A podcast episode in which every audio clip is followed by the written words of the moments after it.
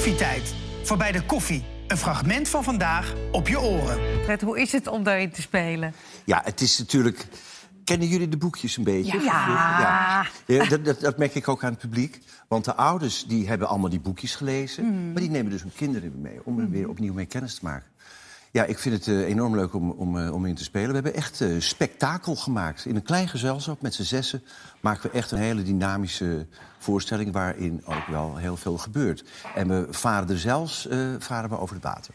En, en nou, kijk, en je bent dirigent Antonius in je rol. Wie is het precies? Kijk, dat dorp, Lenten, waar die, waar die gebroeders Klinkhamer en de rest... Hè, die kaasjongen Gerben en zo, agent Zwart allemaal wonen... dat is een beetje ingedut. Er gebeurt helemaal eh, niks meer. En eh, dat vinden die inwoners wel prettig, want waar niks gebeurt... er kan ook niks slechts gebeuren, dus mm, status quo. Goed, dan komt er ineens een indringer, dat ben ik... in een soort Karl Lagerfeld-achtige outfit. Nou, inderdaad. Ben ik de dirigent, een soort rattenvanger van Hamelen probeer ik ze met, de, met mijn muziek in mijn band te krijgen, in mijn macht. Dat mislukt. Ik word verjaagd met pek en veren. Komt dat zien. Eh, maar ehm, die inwoners hebben toch, ze zijn toch aangeraakt. Ze zijn ineens toch aangeraakt door het leven zelf. Want we zijn toch schepen die niet gemaakt zijn om in de haven te liggen... maar om de wilde zee op te gaan. En dat hebben ze toch een beetje geleerd. Mooi. En dan valt het doek.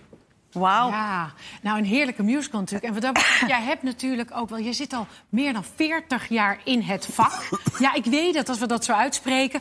Wanneer kwam bij jou, vroeger, dat besef dat je dacht... ik wil acteren. Dit is wat ik, wil. Ik wou van alles worden. Ik wou geschiedenis gaan studeren. Ik wou tekenaar worden.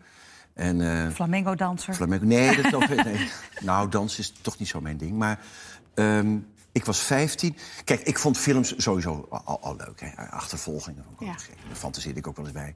Mooi, zwart leren jek, zilveren pistool. Nou, nou.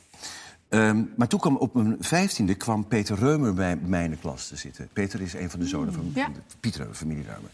En toen kwam, en we, werden we raakten bevriend. En toen kwam ik ook in dat milieu, dat artistieke milieu. En dat vond ik zo anders dan waar ik uit vandaan kwam. Je wordt vaak om hele oneigenlijke reden word je getriggerd om iets te gaan doen. Ja. Ik dacht, oh, daar wil ik ook bij. Zo, dat.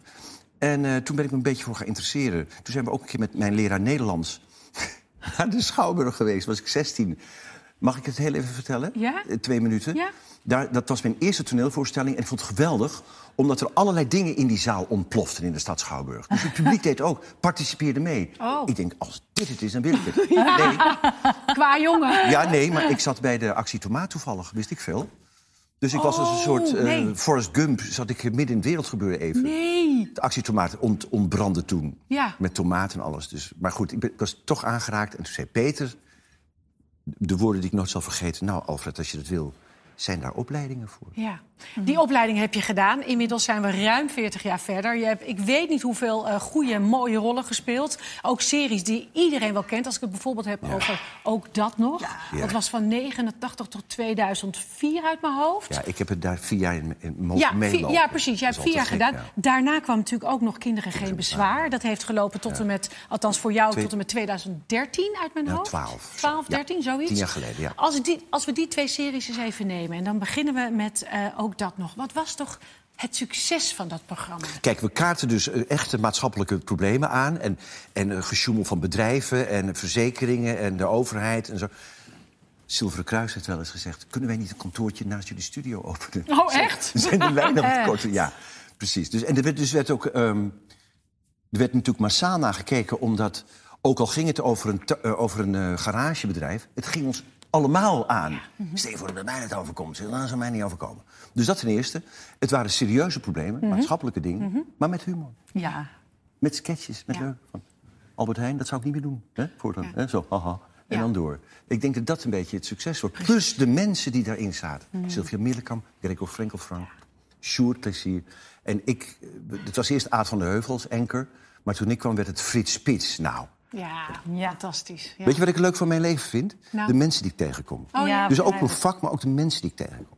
ja, een geschenk is dat, hè? Wie, ziet nou, wie krijgt nou contact met Frits Spits? Ja. Nou, jij. Jij dus. Ja, en wij ook af en toe als Ja. hij hier te gast is. Hij is onlangs Oh, ja? geweest Ja. bij ons. Nou, ja, was ook reuze gezellig. Ja. En Kinderen Geen Bezwaar. Daar heb jij natuurlijk ook in gespeeld. Negen seizoenen lang. Ja. Zo lang zelfs. Eh, we gaan, laten we eerst even naar een fragment kijken. Goed.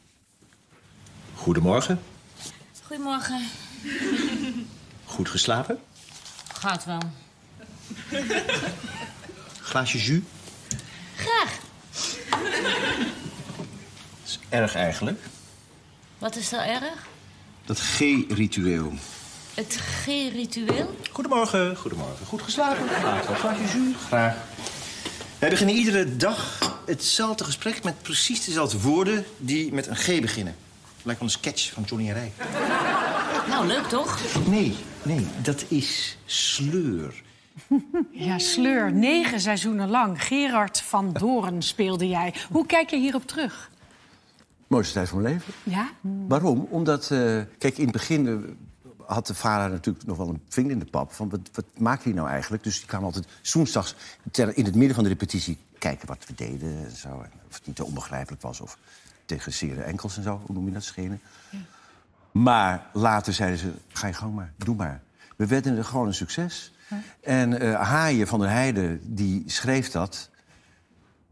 Ja, die raakte toch geïnspireerd, ook, ook gewoon door mij. Ik speelde natuurlijk de clown.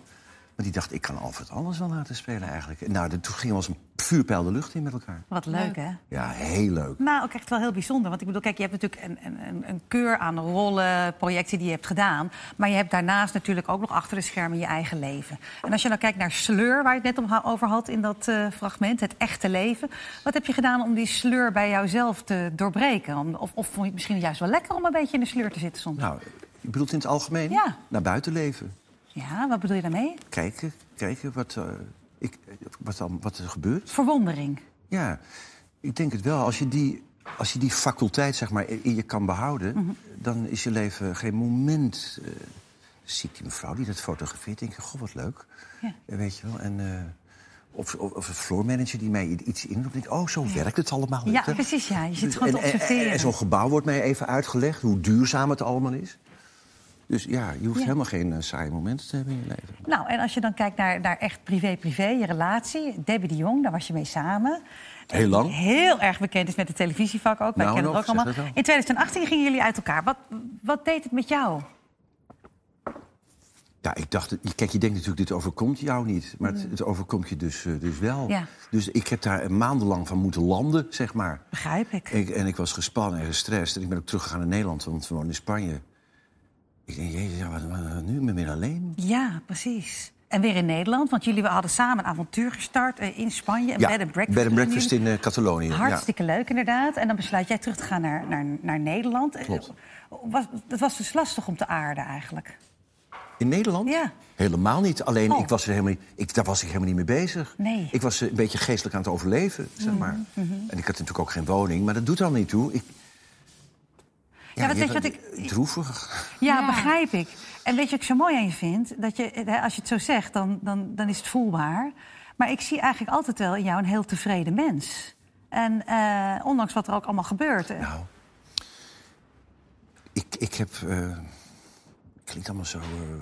eh, alsof, alsof, alsof het allemaal zo, eh, zonneschijn, hoe noem je dat is. Is helemaal niet waar, maar ik leef, ik, ik leef wel naar buiten. Ik heb niet zo'n last van mezelf. Ja, Ik bedoel, precies. ik accepteer... Natuurlijk ben ik hysterisch en diep droef. En weet ik, hoe moet het nou verder allemaal? Mhm. Alleen, ik vind niet, dat vind ik op zich dan weer niet erg. Ja, precies. Dus ook niet erg dat eh, jouw ex nu op dit moment zich heel mooi profileert eigenlijk bij de bed and Dat vind ik top. Liefde. Ja, en dat ze dus op zoek is naar een nieuwe man. Nee, dat vind ik te gek. Ja, precies. Ja. Laten we even kijken naar haar oproep, want dat doet ze ook wel erg leuk, hè? Ben jij die olijke, ondernemende, sociale, jongensachtige, stoere, grote blije vogel? Reageer dan. Tot in Spanje. Adios guapo. Kijk!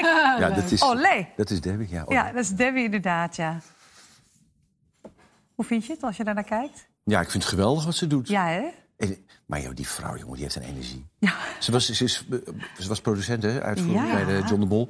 Waar je haar neerzette, gingen dingen bloeien. Mhm, Nou, je ziet het nu ook. Ja, ze straalt Ja. heel veel lekkere energie uit. Ja, zeker. dat. Je voelt je thuis bij haar. Ja, snap ik. Wel mooi, want wij lazen in een... eh, zij zegt dus heel duidelijk... nou, ik sta open voor een nieuw eh, liefdesavontuur... Hè, hier bij mijn bed and breakfast... om daar gezellig een man bij te hebben. Eh, wij lazen van jou een artikel in de Telegraaf. En er stond zo'n kop bij, maar ik vond het zo definitief, Ja. die kop. Ik denk, moet ik toch even aan je vragen. Want er stond heel duidelijk... voor mij geen vrouw meer. Heb jij dit echt zo bedoeld? Nee, dat heb ik niet eens zo gezegd. Maar Kijk. in het gesprek eh, komt het dan voorbij. En toen zei ik, nou, ik sta er op dit moment helemaal niet voor open. Nee, ik, ik ben eh, prima eh, in mijn eentje. Ja. Maar Nou, dat is wat anders dan helemaal nooit meer een vrouw. Precies. Nee, goed, maar ik ja, vind het Ja. niet zo erg hoor. Ja. Nee, precies. Want heb jij dat zelf nu in jouw leven? Dat je denkt, want je zegt al, je bent heel observerend. En je staat open voor alles. En je verwondert je over alles. Want je kijkt naar alles en iedereen om je heen. Ja, probeer ik wel, ja. Is, is dat fijner om die verwondering met iemand te hebben? Of zeg je, nou, nee, dat, dat gaat mij inderdaad heel Nou. goed alleen af? Daar denk ik helemaal niet zo over na. Ik heb daar geen idee. Nee. Mijn leven gaat maar door. Heerlijk. Ja. En, en, eh, met elkaar zonder... Ja, ik weet het niet. Ja. Ja. Nou, dat maakt dan ook eigenlijk niet uit dat je binnenkort die prachtige leeftijd 70 gaat aantikken. Maar volgens mij doe je dat stralend. Vind je het lastig? Toch Nee, ik dat- Oh, ik zie Nee. jou dit doen. Nee, nou nee. nee maar ik, weet- ik weet eigenlijk niet waarom ik dit doe. Maar ik vind het is te bizar. Ja. Ja. Ik voel het ook helemaal niet. Nee, maar je ziet het ook niet. Nee, je je hebt een niet aan je. eeuwige jeugdigheid Ja, over je heen. Ja. Ja, Weet ik niet, maar in ieder geval, ik heb... Kijk, als je 15 bent, hier ziet iemand van 40, denk je, die is, die is eigenlijk al dood. Hmm. En dan ben ik bijna 70. Ik vind het absurd. Ja. Moet er wel lachen. Ja. Beluister ook onze andere podcast met iedere zaterdag om 10 uur de Week van Koffietijd. Iedere werkdag zijn we natuurlijk ook gewoon weer live met een nieuwe uitzending. Om 10 uur RTL 4.